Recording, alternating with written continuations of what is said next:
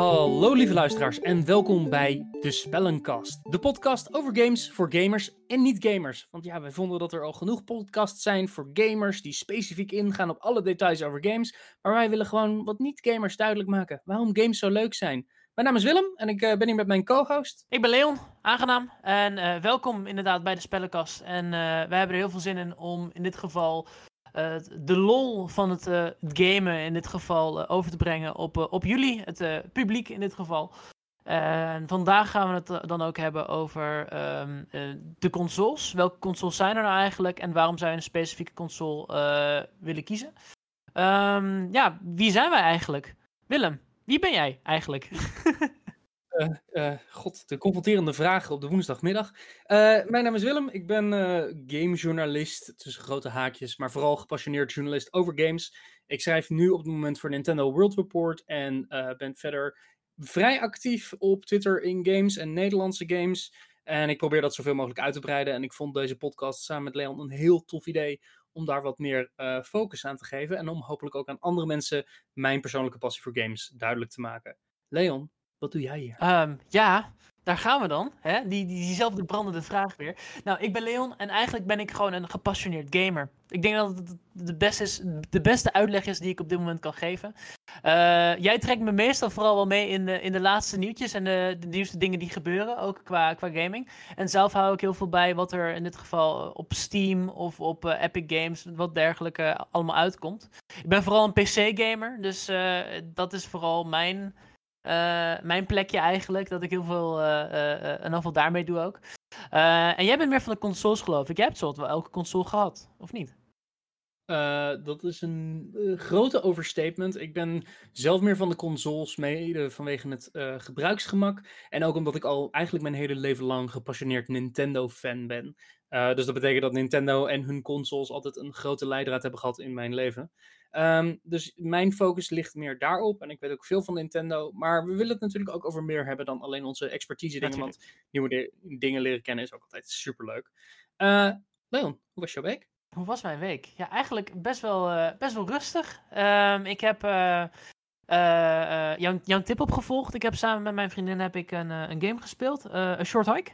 En uh, dat is een, een soort indie game. En die, was, die is op dit moment beschikbaar uh, in, uh, in zo'n bundle voor games. de itch.io is dat geloof ik?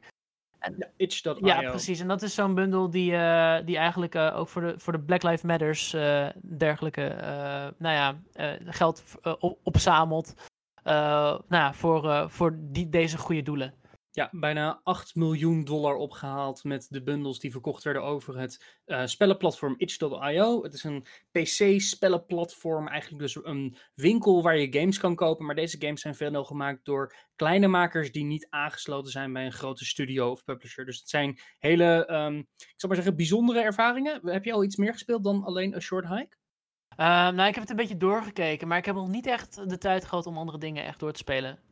Het zijn ook meer dan 1500 games in deze ja, dat, uh, dat gaat niet in één avond uh, gebeuren in elk geval. Nee, nee, er is genoeg, uh, genoeg tijd voor. Ja, precies. Ja, nou, ik wil je zo meteen inderdaad wel even uithoren in ons stukje over wat je hebt gespeeld over een short hike. -huh. Mijn week gaat verder wel oké. Okay. Ik ben nog steeds zoekende naar werk. Ik heb deze week de social media benaderd om nieuwe dingen te vinden. En ik heb een sollicitatiegesprek gehad, dus dat was wel spannend. Je bent echt net terug ook. Ik ben net terug, dus als de energie wat lager ligt, dan uh, heeft dat echt niets te maken met mijn enthousiasme voor deze podcast.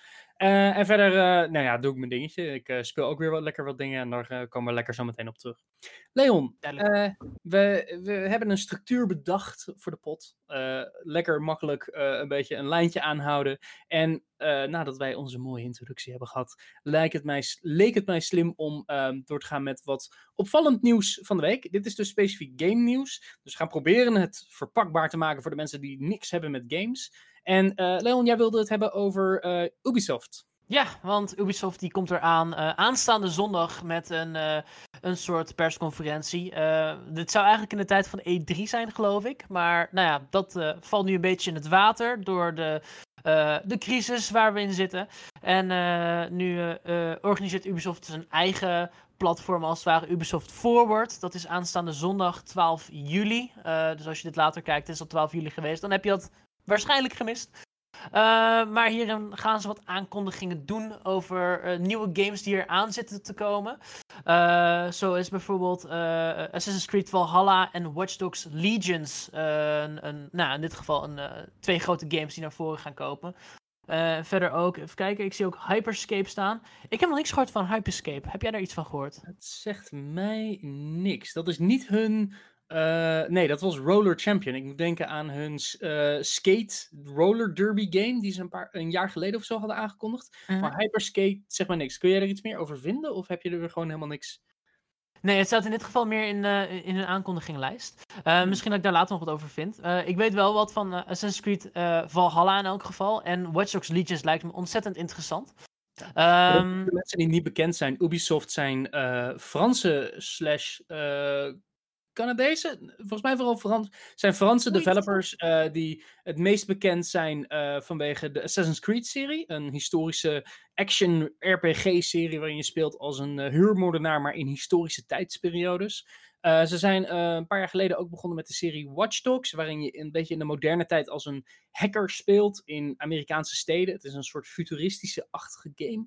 En uh, vroeger waren ze onder andere bekend van de Rayman games. Uh, waren 2D-platformers waar Leon en ik toevallig allebei best wel groot fan van zijn.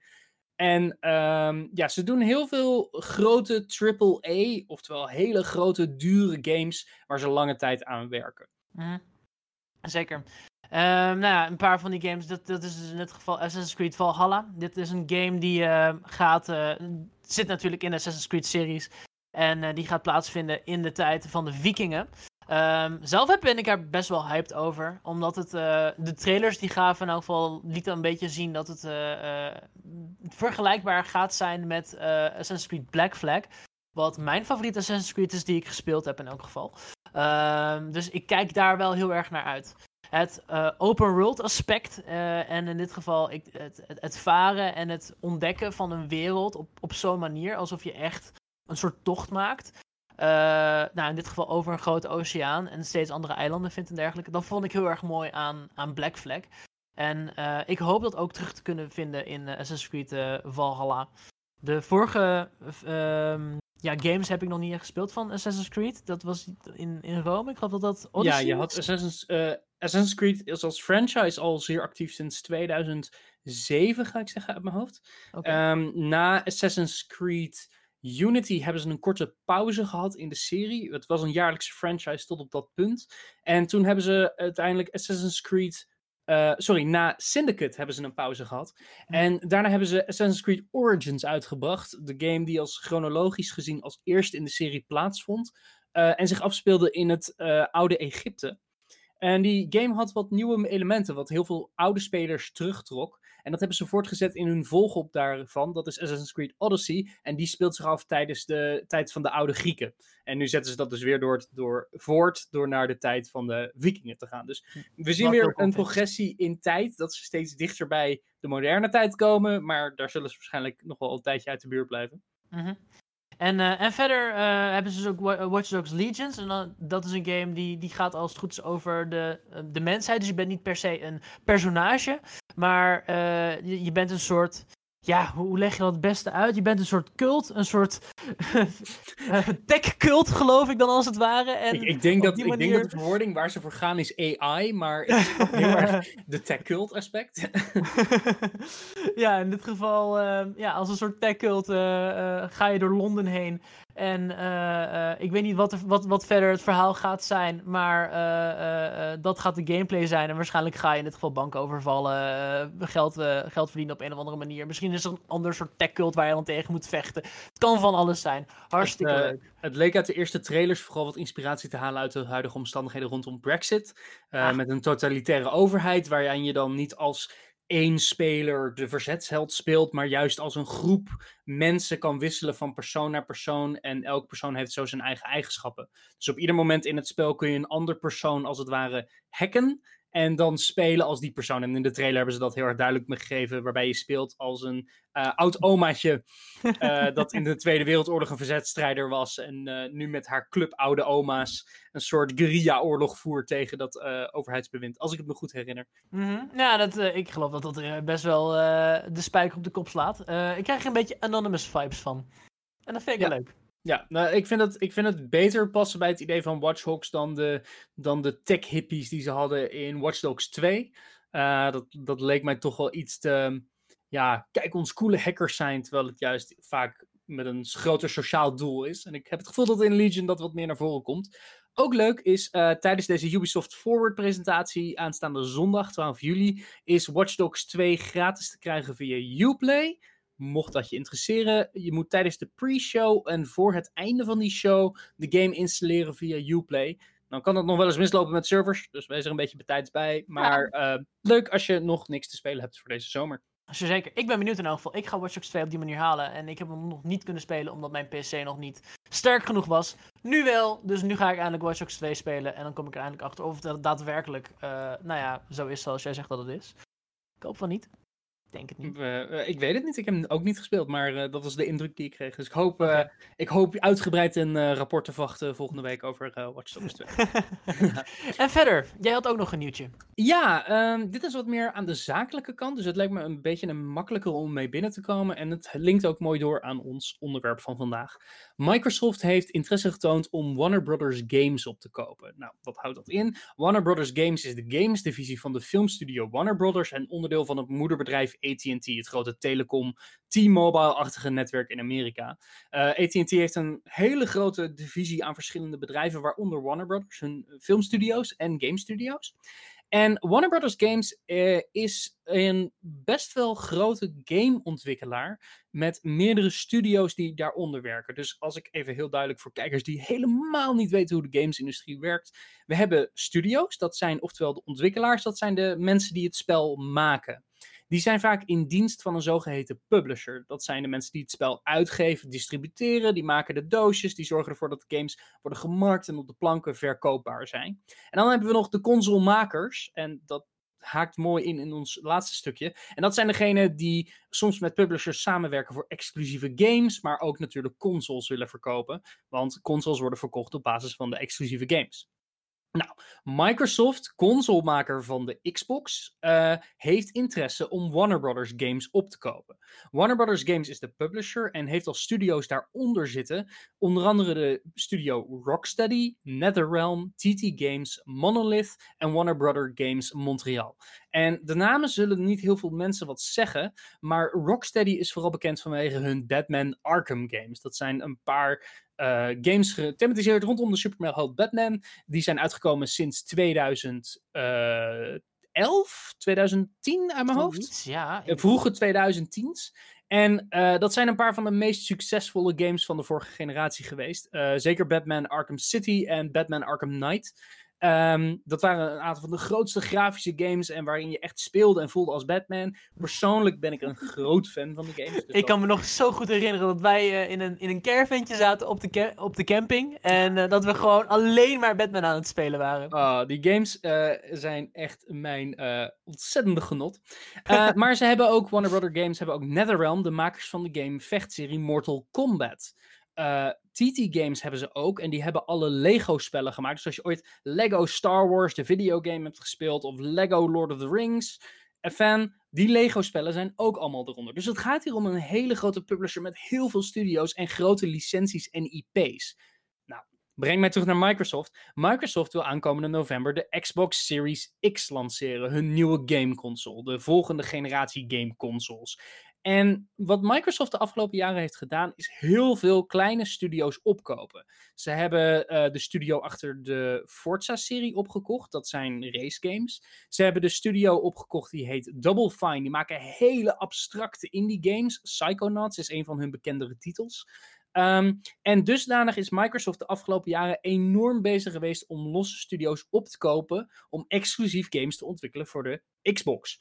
Um, dat is samengegaan met hun programma dat heet Game Pass. En Game Pass is, veel mensen omschrijven het als de Netflix voor videogames. En dat klopt ook wel. Je betaalt een maandelijks abonnement om toegang te krijgen tot grote nieuwe titels die exclusief op Xbox of PC zijn te spelen.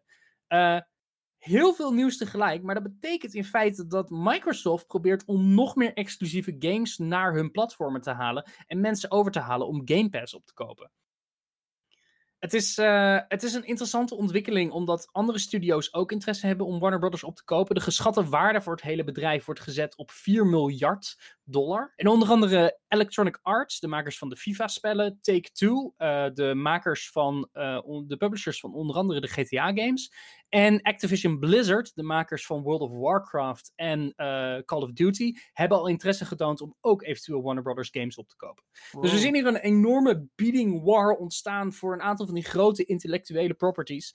Uh, zoals de Batman games. En dat is vrij interessant, want uh, over anderhalve maand heeft Warner Brothers een evenement genaamd DC United, als ik het goed heb. En daar zal de volgende game van Rocksteady worden aangekondigd, waarvan mensen vermoeden dat het gaat om een game gebaseerd rondom de Suicide Squad. Waarin je als doel hebt om de Justice League uit te schakelen. Dus Superman, Batman. Uh, je speelt in deze game dan als de villains. Is het gerucht op het moment. Um, Interessant nieuws. Uh, het is heel veel zakelijk nieuws, maar achter de schermen betekent dat heel veel voor de aankomende generatie. Want misschien zijn er mensen die zeggen: hey, ik ga geen PlayStation 5 kopen als ik weet dat Batman alleen maar te krijgen is op de Xbox One of met Game Pass. Um, dus we zien hier een hele interessante schuiving naar hoe Microsoft probeert om klanten terug te winnen. Ik vind het interessant. Het is wel, uh, ik vind het wel grappig hoe de, de Xbox nu ineens dan weer exclusiever gaat worden dan, of zo. Mm -hmm. uh, aangezien er toen de Game Pass in eerste instantie uitkwam, was het de bedoeling dat ze veel meer Xbox-exclusive games ook naar de PC zouden uitbrengen. Zodat, zodat wij ook meer dat, dat, dat soort spellen konden spelen. Um, en, en nu proberen ze het weer wat exclusiever te maken. Ik denk dat het deels gepaard gaat met het idee dat Microsoft ziet dat de Xbox-console als brand de afgelopen generatie niet zo goed heeft gepresteerd als dat ze hadden gehoopt. Uh-huh. De PlayStation 4 was onbetwijfeld de best verkopende console van de vorige generatie. Um, en ik denk dat Microsoft ook inziet als wij Game Pass uitbrengen voor alle apparaturen. Dus als jij ook een PC koopt die niet uh, door Microsoft gebouwd is, dan, uh, maar wel op Windows draait, dan vind je, vang je lang niet zoveel geld dan als jij een kastje koopt van 350 euro, uh, die al die nieuwe games kan spelen. Plus een maandabonnement van 10 euro in de maand om al die nieuwe games te kunnen blijven spelen. Dus, de, dus we zien er heel veel praktijken samenvallen. En ik denk dat Microsoft er goed aan doet om die exclusiviteit terug te halen naar Xbox. Uh, omdat ze gewoon anders weinig reden hebben om relevant te blijven binnen de hele uh, ja, gameswereld. Microsoft heeft de laatste generatie weinig exclusieve games uitgebracht. Dus weinig spelers hadden de aanstalten om een Xbox One te kopen. Uh -huh. Het is, uh, het is spannend, zeker omdat de volgende generatie van start gaat uh, in november. En uh, dat brengt ons mooi naar ons hoofdonderwerp van vandaag, namelijk dat spellenkastje. Weet je, we hebben het altijd over consoles, over games, over PC's, over generaties. Um, ik werkte altijd, uh, ik werkte een tijdje in een Intertoys en ik kreeg af en toe wel eens vragen van ouders van, maar als ik nou games koop voor de PlayStation, kan ik die dan ook spelen op de, op de Xbox? Of wat is het verschil tussen de verschillende Xboxen? Of wat doet de Switch? En ik kan me dat voorstellen, want gameconsoles zijn heel erg gericht op het gebruikersgemak van de consument, maar de instapmogelijkheid ligt redelijk hoog. Dus wij willen jullie even meenemen terug, uh, laten we zeggen, naar de mid 2005, 2010, toen wij allebei, uh, ik denk wel kan zeggen, echt actief begonnen met zelf onze games uit te zoeken en te spelen. En Leon, voor jou begon dan volgens mij met PC. Begon het bij mij bij PC of begon het bij mij bij uh, destijds zelf met een Game Boy? Dat, dat weet ik nog wel. Maar waarschijnlijk, ik ga in dit geval wel beginnen over de PC. Hè? De kleine flash games die je dan toen in elk geval speelde in 2005. Dat weet ik in elk geval nog wel. Battery Check, kennen we die nog? uh, dat, is, uh, dat is een zeer lang geleden connectie voor ons beiden. Ja, zeker. Nou ja, maar dat is voor mij wel echt uh, in elk geval de, het begin geweest in elk geval. Ook de, de, de PC-games. En uiteindelijk, um, toen ik echt mijn eerste keuze maakte... Ik denk dat dat wel Skyrim was, in 2011 eigenlijk. Dan gaan we wel weer... We maken een klein sprongetje. Maar toen ik, toen ik erachter kwam wat Skyrim allemaal inhield... Toen, dat was wel echt de eerste game waarvan ik dacht... Ja, die wil ik hebben, die wil ik spelen. Dus ik vroeg mijn moeder van, hey, mam, kom mee naar de winkel. Uh, ik wil Skyrim hebben, want ik mag deze niet kopen, want ik ben nog lang geen 18. Um, en, en dat was het moment dat, dat voor mij wel echt het, het, keuzes maken in games begon. Um, ja, men, op, op, zich is dat ook wel steeds meer geworden. Dus er komen steeds meer games uit. Vroeger, toen deed je het allemaal via een um, CD-ROM, die je tegenwoordig ook niet meer ziet. Je, je klinkt tien jaar ouder dan je bent. I know. ja, maar dat, zo ging het wel. Tegenwoordig is alles via downloadcodes en via, via uh, online winkels en dergelijke, zoals Steam, Origin, uh, de Battle.net, uh, Epic Games. alles is tegenwoordig online te downloaden. En dat vind ik op zich wel een, een leuke verandering. Maar het fysiek hebben van een game, zoals bijvoorbeeld bij de Game Boy spellen, dat mis ik wel. En jij hebt destijds dus de keuze gemaakt om Skyrim te halen op PC. Waarom niet direct voor de console? Of, want de Skyrim was niet exclusief op PC bij de lancering? Nee, zeker niet. Maar uh, het, was een tijd waarin. De, uh, of in wij hadden een computer in huis. En uh, het maakte niet uit op welke snelheid je de game speelde. Ik wilde de game gewoon spelen. Dus wij hadden niet de beste PC thuis. Uh, en ik moest dus ook wel um, uh, ja, de, de settings destijds heel erg laag zetten, zodat ik het daadwerkelijk kon spelen. Maar het kon het aan. En, en dat was genoeg voor mij. Ik kon het spelen. Uh, maar ik denk dat, dat daar ook wel zit, zeg maar, de keuze om een console te halen. Dat is voor ouders misschien nog wel eens een hele grote stap geweest. Zeker als een kind al tevreden is met de spelletjes die online op een computer gespeeld konden worden. Ik weet niet hoe dat bij jou was, want jij was sneller aan een, aan een Xbox, geloof ik nog zelfs wel. Uh, nou, bij mij gaat het nog iets verder terug in het algemeen. Ik heb oorspronkelijk, uh, kregen wij in kerst 2005 een Gamecube van de ouders. Dat was de spelcomputer van Nintendo. Uh, dat is de spelcomputer die uitkwam voor de Wii. En de Gamecube, in principe hadden mijn ouders gekozen dat wij een Gamecube konden, omdat ze zagen dat ik veel plezier haalde uit games. Maar eigenlijk vonden ze het niet heel ideaal dat wij altijd de thuiscomputer gebruikten, want in die tijd hadden we nog niet allemaal een eigen apparaat. Hm. Um, dus, dus de console was een aannemelijke stap. Plus zij vonden Nintendo zeer interessant, omdat Nintendo over het algemeen niet extreem gewelddadige games produceren. Zeker als je kijkt naar de andere consoles van die tijd, de PlayStation 2 en de Xbox, uh, de originele Xbox, die zich toch wel echt focusten op grote, bombastische, maar ook vooral veel agressieve schietspellen. En mijn ouders hadden dat liever niet, dus die wilden dat ik um, dan maar Mario uh, ging spelen. Lekker Mario Kart! Ik, Mario Kart. En ik klaagde geen seconde, want ik vond, uh, ik was eigenlijk als kind al opgegroeid met de Game Boy Advance en ook met de Game Boy, de originele Game Boy van mijn moeder. Um, dus, dus voor mij was die overstap binnen console en Nintendo heel natuurlijk en is daarna altijd een constant aanwezigheid geweest in mijn leven. Pas later realiseerde ik mij dat PC een zekere mate van variabelen heeft die je makkelijk kan aanpassen, maar tegelijkertijd PC's heel onduidelijk zijn als jij games koopt of ze 100% goed draaien. Bij een console ben je 99% van de tijd wel zeker dat een game speelt of zich gedraagt zoals het zou moeten, dan al niet beter. Um, en ik denk dat dat een belangrijk verschil is voor mensen om te weten. Van consoles zijn niet per definitie slechter of beter dan PC. PC biedt meer opties. Mm -hmm. Maar ja, de kans bestaat dus dat een, een game niet lekker gepakt wordt. Zo uh, bij de consoles, in dit geval, heb je dat het sowieso wel gaat lukken. Of in elk geval daar worden de spellen op gemaakt in elk geval. Ja, als jij een console koopt en een spel voor die console, kan je er bijna altijd van uitgaan dat dat spel goed werkt op een console. Terwijl als jij, zoals jij Skyrim speelde op je computer, ik denk dat je geluk hebt gehad dat hij draaide. Want als hij dat niet kon, zat jij met geld en een spel wat je niet kon terugbrengen. Nee. Omdat, you know, je had hem al uitgepakt en geprobeerd, maar hij werkte niet. Ik had uh, de code al gebruikt inderdaad, dus ja, die kun je niet, die, niet uh, refunden als het ware. Maar, en tegenwoordig ja. zijn er meer makkelijkere middelen voor om te checken of een game inderdaad werkt op PC. Maar tegelijkertijd mist het inderdaad, denk ik, de, het gebruiksgemak van uh, iets wat consoles kunnen bieden. En waar consoles zich uiteindelijk op hebben geprofileerd, is exclusiviteit van games. Veel consoles zijn gepaard met games die alleen speelbaar zijn op die consoles en uitgebracht worden door de makers van consoles. In het geval van Nintendo, Microsoft en PlayStation. -hmm. Zeker. Ik geloof dat zelfs de, de grootste ex exclusiviteit wel bij de PS PS4 en dergelijke zit bij de PlayStation? Nou, dat weet ik niet 100%. Kijk, consolemakers hebben een uh, verspreiding aan studio's, iets waar we het net ook al over hadden. En PlayStation heeft zeg maar een overkoepelende aantal studio's die exclusief games maken voor de PlayStation. Een bekende is Guerrilla Games, die zitten in Amsterdam. Die zijn onder andere de makers van de Killzone-serie en de Horizon Zero Dawn-serie. Um, en dat zijn exclusieve games die zijn geoptimaliseerd voor consoles. En dat zijn ook de system sellers. Dat zijn games waarvoor je echt exclusief alleen maar die console kan kopen. meestal bij lancering. In dit geval is het een beetje een kromgeval, omdat Horizon binnenkort naar de PC komt. Uh, waar veel PlayStation-fans niet blij mee zijn, maar veel andere mensen heel blij mee mogen zijn. Ik ben benieuwd. Top game.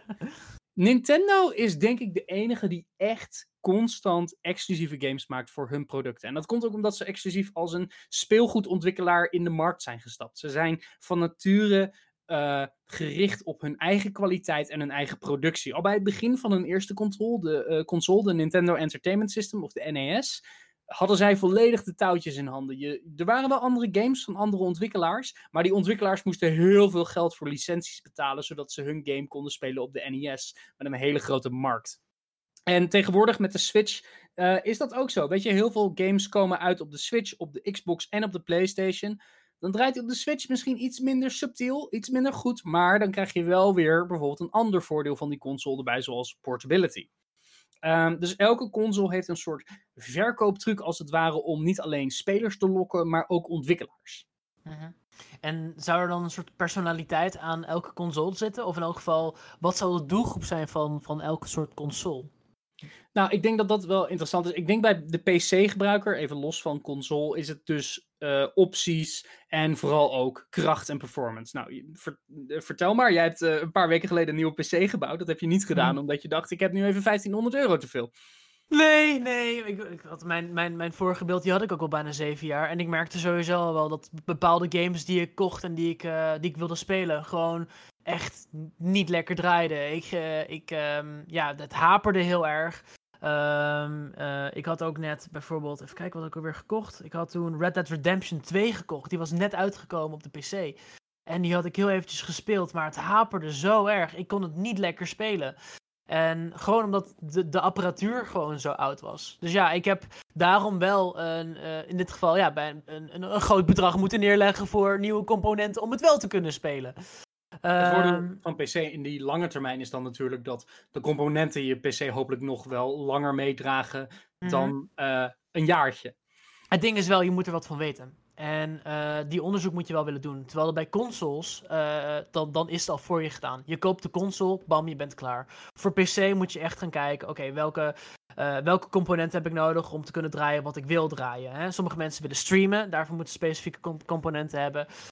sommige mensen willen inderdaad grafisch sterker zijn, dus dan moet je weer een specifieke videokaart kiezen. Welk moederbord kies je erbij?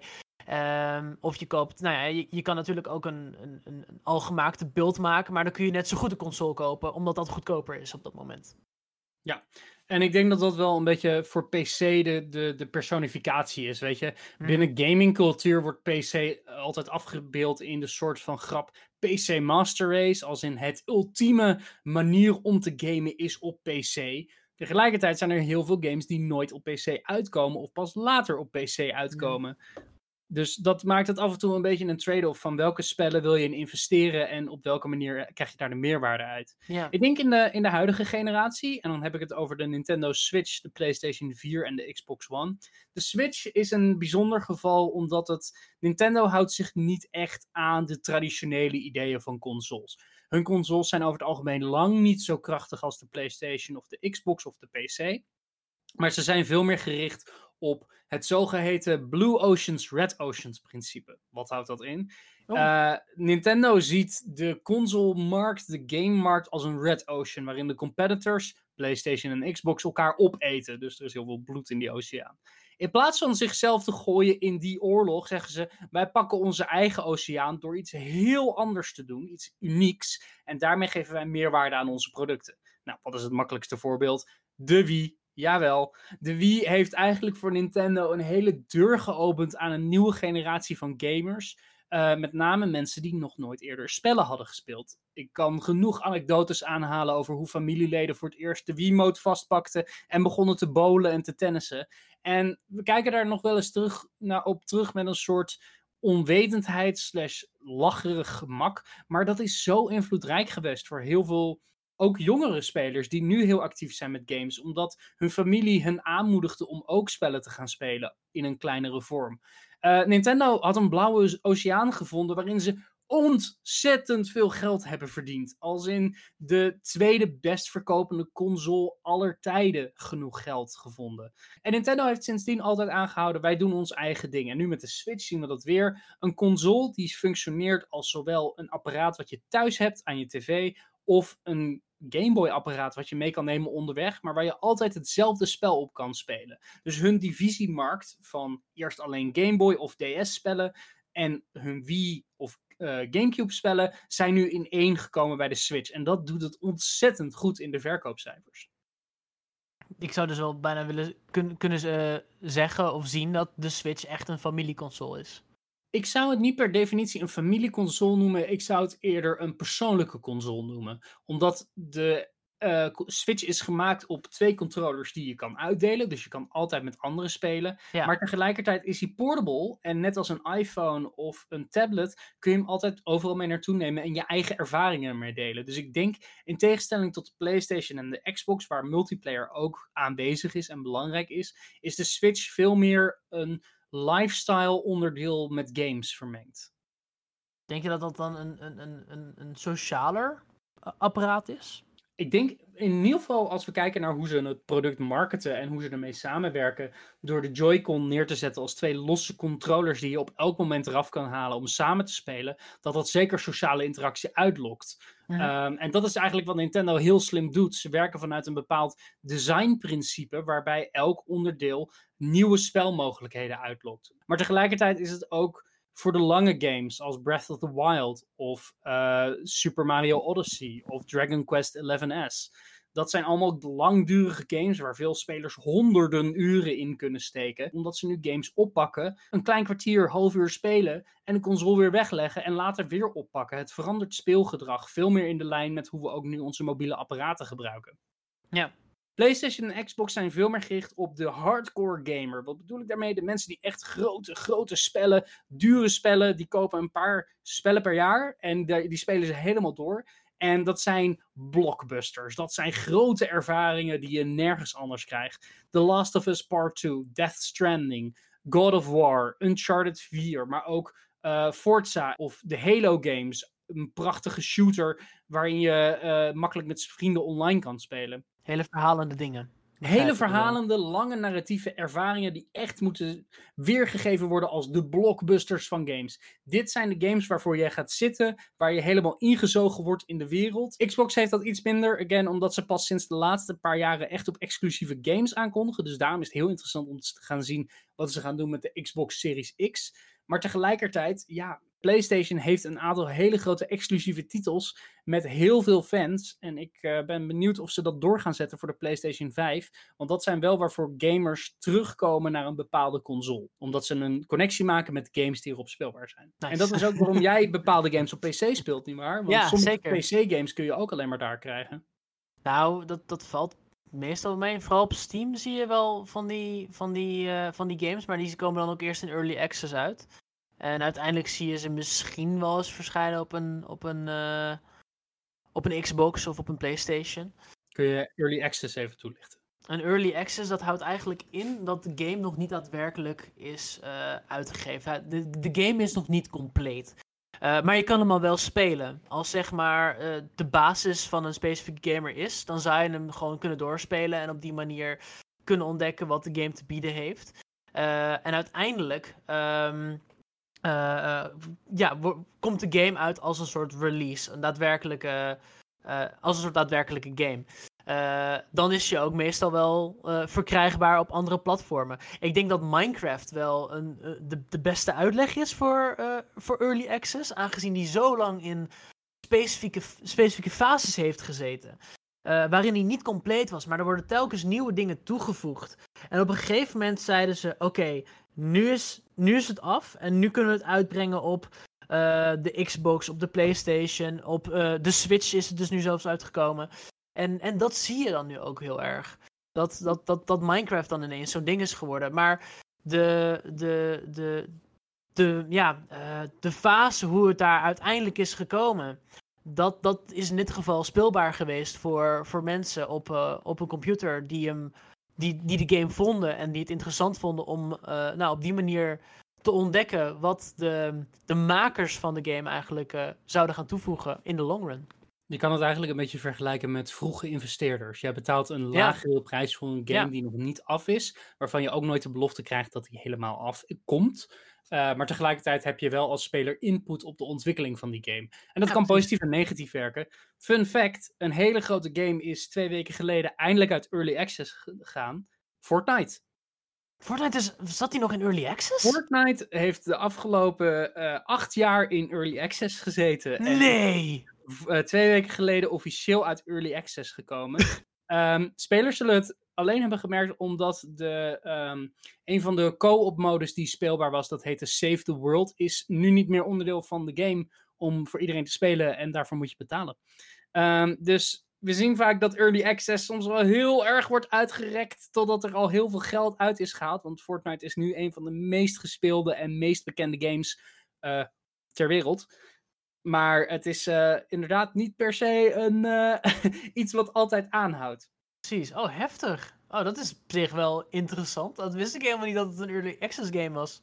in ieder geval, op het moment dat het op Epic stond, dacht ik dat het een daadwerkelijke game was, maar nog niet een per se early access. Nou, voor de developers hebben ze afgelopen twee weken geleden gezegd: we gaan nu, we zijn uit early access. Wat wel een bijzondere stap was voor een game die inderdaad in het afgelopen jaar miljarden heeft opgeleverd. Ja, nou, inderdaad. En zeker, het zit, zit, het zit ook al gewoon in de e-sports en dergelijke. En, en eigenlijk gewoon een game in early access en e-sports. Oh, dat vind ik best interessant. Ja, en natuurlijk ook een voorbeeld van een game die begon op PC en daarna heel snel de overstap heeft gemaakt naar zoveel mogelijk apparaten, van tablets en telefoons tot de Switch en de PlayStation. Mm -hmm. Dus ter, ter samenvatting van dit geheel, Leon, wat wil jij zien van de volgende kastjes? De PlayStation 5 en de Xbox Series X. We hebben al qua design wat aankondigingen gezien, ook wat losse games. Is er iets wat jou nu zou aantrekken om opeens een console te gaan halen? Opeens een console. Dan zouden ze echt met iets nieuws moeten komen waar ik zelf ook niet mee moet komen. Maar iets zo. Ja, uh, wat, wat, wat zo de, de game-industrie doorbreekt, als het ware. En dat kan, dat kan iets groots zijn, maar dat kan ook iets kleins zijn. Maar dat de interactie met de game, zoals we, zoals we dat nu kennen, dat, dat die interactie uh, zoveel beter wordt of uh, anders wordt, dat, dat zou mij in elk geval wel aantrekken om een console aan te schaffen. Ik denk dat dat daarom ook wel de Switch heb aangeschaft uiteindelijk. Omdat die interactie gewoon zo, zo anders werd ook. Kun je dat specifiek beschrijven? Als in, was dat het mogelijkheid om de controller uit te delen met iemand anders? Of... Ik denk dat het portable, uh, het, portable maken van, uh, van de console wel echt een, een, een ding was. Het, dat je het mee kan nemen overal heen en dat je gewoon de spellen kan spelen die ervoor bedoeld zijn.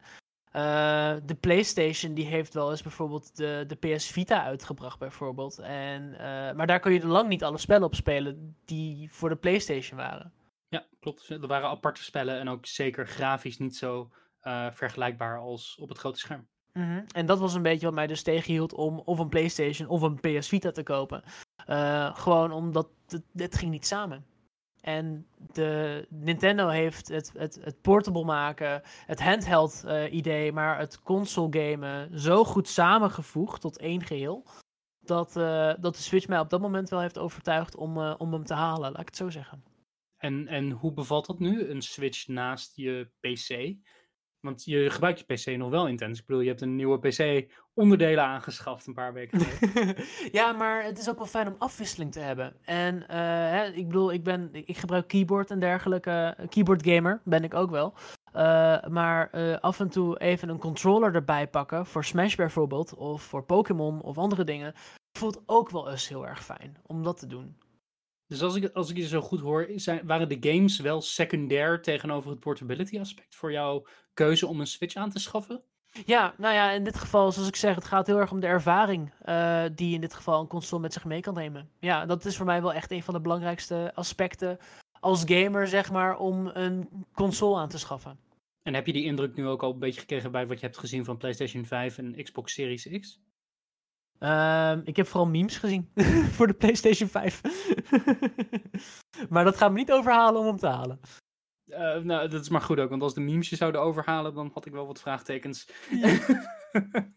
en uh, hoe is het voor jou? van wat er tot nu toe is bekend geworden, wordt het een hele interessante strijd naar hoe ze klanten tevreden willen houden en tegelijkertijd willen uitbreiden. PlayStation is altijd gefocust geweest op de wat duurdere ervaring. Dat is gewoon, you know, prijs speelt ook altijd een harde rol mee. En we weten van beide nog niet de prijs. Ehm, maar PlayStation heeft wel vorige generatie mij geïntroduceerd aan heel veel nieuwe games waar ik heel erg van heb genoten. Uh Death Stranding recentelijk, maar ook Uncharted heb ik voor het eerst doorgespeeld. God of War, Spider-Man waren allemaal echt games die heel erg mij aanspraken en waar ik ook graag nieuwe games van zou willen spelen. Uh, en die zijn ook al deels aangekondigd voor PlayStation 5. Uh, eh, Horizon Forbidden West, Spider-Man Miles Morales. Allemaal games die voortborduren op wat ze al hadden. Met de belofte dat heel veel games van PlayStation 4 ook speelbaar kunnen zijn op PlayStation 5. Dat vind ik een hele belangrijke meerwaarde als ik geld wil investeren in een nieuwe console. Want dan kan ik eventueel ook oudere games die ik heb gemist op PlayStation 4 goedkoper kopen en spelen op de nieuwe console. Kijk. Xbox Series X wil dat ook doen, maar ze willen ook combineren met Game Pass, hun abonnementservice. Ik heb Game Pass geprobeerd op PC. Dat systeem is fantastisch. 10 euro in de maand betalen met toegang tot de nieuwste games op het moment dat ze uitkomen is een enorm waardevolle deal. En ze breiden het aanbod elke maand uit. De games zijn volledig speelbaar. Er zit geen haak en oog aan. Behalve dat je afhankelijk bent van een streamingplatform en digitale platforms. En dat is bij mij altijd een beetje lastig. Ik ben net als jou, Leon. Ik vind fysieke games hartstikke fijn om te hebben in mijn collectie. Uh, omdat ik dan zeker weet dat er nooit iets mis mee kan gaan. Yeah. Maar het is natuurlijk ook wel een beetje spannend, omdat je denkt van, nou, ehm, waar laat ik de ruimte over tien jaar als mijn collectie enorm is uitgebreid? En wat gebeurt er met digitale games op het moment dat de servers dichtgaan of dat licenties verlopen? We hebben dat in het verleden gezien met games als uh, Transformers spellen, waarbij de licentie van Transformers verliep en die spellen nu niet meer te vinden zijn uh, digitaal. En dan gaan ze ineens verloren. Het is een spannende toekomst en ook omdat PlayStation de PlayStation 5 heeft aangekondigd als een diskversie en een digitale versie. En die digitale versie zal ongetwijfeld goedkoper zijn dan de diskversie. Dus nu gaat de vraag worden: waar leg ik als speler mijn waarde? Is dat op het fysiek bezitten van mijn games en altijd kunnen terugspelen? Of is dat op het gemak en in prijs wat digitaal biedt? Dat is het spannende voor de aankomende generatie. En ik hoop dat we daar de komende maanden wat meer over te horen krijgen. Mm En dat we er verder naar kunnen kijken wat daar inderdaad de, de veranderingen in gaan zijn. Wat gaat het beter doen? Gaat het de PS5 worden of gaat het toch wel de Xbox worden die in dit geval de, de nou, dit gevecht gaat winnen? Ik wil bijna als ja, ik, Smash, ik, uh... ik, beschouw, ik beschouw het nooit meer als gevechten, want weet je, eh, elke console, elke maker doet iets zelf en veel games komen ook naar beide consoles, dus er is nooit echt een gevecht. Er is brand loyalty naar een bepaald bedrijf toe en Nintendo heeft al jaren geleden mij gekidnapt. Um, dus dat, weet je, ik ga, nooit, ik ga nooit juichen voor een bepaalde megacorporatie die uiteindelijk erop uit is om geld van mij te winnen. Want dat zijn ze allemaal. Maar tegelijkertijd denk ik wel, als ik nu, vandaag, ik zou het geld hebben en ik zou een keuze moeten, moeten maken. Ja, wat zou het zijn? Dan krijgt PlayStation 5 voor nu de, uh, mijn geld. Maar ik ben nog niet verkocht. En met dat gezegd hebben, Leo, wat heb jij zo al gespeeld? In dit segmentje gaan we praten over wat jij recentelijk hebt gespeeld. Nice. Um, ja, nou, wat heb ik allemaal gespeeld? Op dit moment, ik denk overal de, de dingen waar ik uh, op kwam in elk geval. Uh, dat zijn de Borderlands-series, daar ben ik ontzettend fan van. Uh, ik ben ook net klaar met het verhaal van 3. En ik ben er nog lang niet klaar mee. Er zijn zoveel nieuwe features die ik nog wel wil spelen in Borderlands 3. Maar de Borderlands-series, die pakken me elke keer weer opnieuw. Um, Kun je beschrijven wat voor soort type games het zijn? Uh, het is een soort, uh, soort wasteland shooter. Uh, je bent een, een, soort personage, je, je, bent in een soort wasteland. Het is een soort. Ik weet, het heeft ook wel een soort western tintje. En je, je bent een soort bounty hunter die op zoek gaat naar, naar, naar vaults, naar um, kluizen. En daarin kun je in dit geval uh, uh, loot vinden, uh, maar ook over de hele wereld kun je loot vinden. En eigenlijk wil je steeds sterkere wapens krijgen, je wil jezelf steeds sterker maken en je wil ehm, ja, je vijanden graag, nou ja, neerknallen. Is dat netjes gezegd? um, ja, netjes genoeg. Uh, ik vind het in ieder geval ontzettend leuk. Er zit een heel verhaal aan uh, over in dit geval de, de, de, de Psycho Bandits en uh, de, de Vault Hunters. De Borderlands-series weet me daarin altijd wel weer te verrassen in de, de gekheid die ze daarin mee kunnen brengen. belangrijke toevoeging hier is, de gekheid wordt ook goed gevisualiseerd, want de game heeft niet een stijl als een Call of Duty of een hele fotorealistische stijl, maar het is heel cartoony. Ja, klopt. En dat is op zich heel erg chill in elk geval. Ehm, verder, uh, Rocket League is iets wat ik op dit moment heel erg veel speel. Uh, ik ben lekker een competitive uh, player in elk geval. Ik doe mijn best om een beetje bij te blijven. Bewijs je gamerhoed, Wat is je skill? Hoe hoog sta je op de ranglijst? Ik heb, me, ik heb, ik heb dit, dit seizoen heb ik platinum bereikt. Dus het kan beter, maar wat, is het hoogste? Ik ben helemaal niet bekend Grand met de rangen. Champion. Dus je hebt zeg maar brons, zilver, gold, platinum, diamond, uh, champion en dan de hoogste is dan Grand Champion. Oh ja, dat klinkt wel heel teleurstellend. Dus ik zit een beetje midway op dit moment. uh, maar ja, ik vind het wel ontzettend leuk in elk geval. Voetbal met auto's. En uh, het, het, speelt gewoon lekker weg. Het, uh, het, neemt de tijd gewoon een beetje lekker door. En ook zij werken nu met, met een soort Game Pass. En op die manier heb je gewoon. Ja, de, de, goodies die je kan krijgen. Het zijn allemaal cosmetische items. Maar het zijn leuke cosmetische items die gewoon. Die het visueel leuker maken. Leon, hoeveel geef jij inmiddels uit aan de pass van Rocket League? To be honest, ik heb nu één keer 10 euro eraan uh, aan besteed. En uh, in die pass kun je ook weer coins krijgen voor de volgende pass. Dus ik heb mijn volgende pass heb ik uit deze pass al gehaald. Dus ik hoef niet nog een keer nu 10 euro te betalen voor een nieuwe pass. Vind je het interessant om Leon's schokverslaving te volgen? Abonneer je dan vooral op de podcast. Yeah. Over de volgende maanden zien we hem langzaam afdwalen in een wereld van abonnementen en coins. nice. Ja, en uh, verder um, uh, heb ik in mijn tijd ook best wel veel GTA 5 gespeeld. Samen met, met vrienden en dergelijke van destijds mijn werk. Um, zijn wij best wel, zijn we op de woensdagavonden meestal uh, volop GTA 5 gaan spelen en uh, uh, missies grinden om op die manier de nieuwste auto's te fixen. En ja, ook dat had zijn charme, laat ik het zo zeggen. Ja, GTA 5 voor de mensen. Grand Theft Auto is een langlopende serie van Rockstar Studios. Uh, Rockstar is een van de grootste en beruchtste, duurste uh, spellenmakers aller tijden. Ook van Red Dead Redemption en uh, wat andere spellen. En ja, Grand Theft Auto is eigenlijk een soort ultieme sandbox. Je kan doen wat je wil in dat spel, als ik het goed heb. -hmm, zeker. Nou ja, eigenlijk wel. Op de, um, je kan eigenlijk alles wel doen, maar je moet er wel geld voor hebben om alles te kunnen doen. Zeg maar in-game geld. Manier dan? Ja, in-game geld. Dus niet per se uh, uh, geld geld, maar bijvoorbeeld um, als je met een auto wil vliegen, je kan in, in, auto's vliegen, helemaal prima, maar dan moet je wel even 3 miljoen euro voor neerleggen. En dat moet je grinden. Dus, um, in-game geld. Ik wil nogmaals bedrukken, in-game geld. In-game geld, niet daadwerkelijk geld. Het kan, maar je kan het ook gewoon verdienen. Ga lekker de game spelen zoals het hoort. En ga lekker met auto's vliegen. Hartstikke leuk. Willem, wat heb jij allemaal gedaan? Uh, gespeeld in dit geval? Gedaan. Um, het was voor mij een rustige gameweek deze week. Ik heb eigenlijk het moment opgepakt om, jawel, jawel, terug te gaan naar Batman. Uh, ik heb uh, Batman Arkham Asylum, de originele game uit, ik ga gewoon zeggen 2009, uitgebracht door Rocksteady Studios, waarin je speelt als, nou ja, Batman. Um, de game introduceerde een fantastisch combat systeem, wat in de latere spellen steeds beter werd uitgewerkt. En je speelt als Batman en de Joker is losgeslagen in Arkham Asylum, het gekke huis waar die normaal in wordt opgesloten. En het is een uh, actie-avonturenspel met een best wel goed verhaal. Um, en het verrast me eigenlijk hoe, hoe deze game waarschijnlijk het meest gedateerd is van alle Batman games van Rocksteady. Maar tegelijkertijd ook heel erg aansluit bij dat rijtje. En gewoon een lekkere combinatie van een fijn combat systeem. Je kan, als je een klap uitdeelt, voel je als Batman.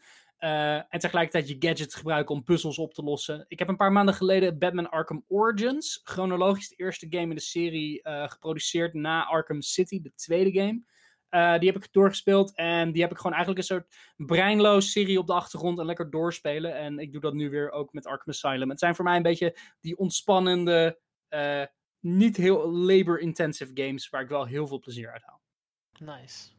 En uh, dat, was, dat was eigenlijk mijn grote lijn voor deze week. Ik heb ook de opening gespeeld van Outer Wilds. Outer Wilds is een spel waar ik meer tijd voor nodig ga hebben. En die ik niet moet gaan spelen via mijn Steam Link. Mijn Steam Link heeft technisch uh, is niet geoptimaliseerd om een game te draaien die van Epic Games is. Of de game is zelf te grafisch te intens voor mijn PC. Ehm, maar als ik het moet omschrijven, het is een spel waarin je speelt als een buitenaardse ras, wat uh, toegang heeft tot ruimtereizen. En je verkent andere planeten om te ontdekken waar je plek is in het universum. Dus je zoekt alien artefacten, je zoekt waar je vandaan komt, je bezoekt je mede-aliens die op andere planeten zijn gestationeerd om de uh, wereld in de gaten te houden.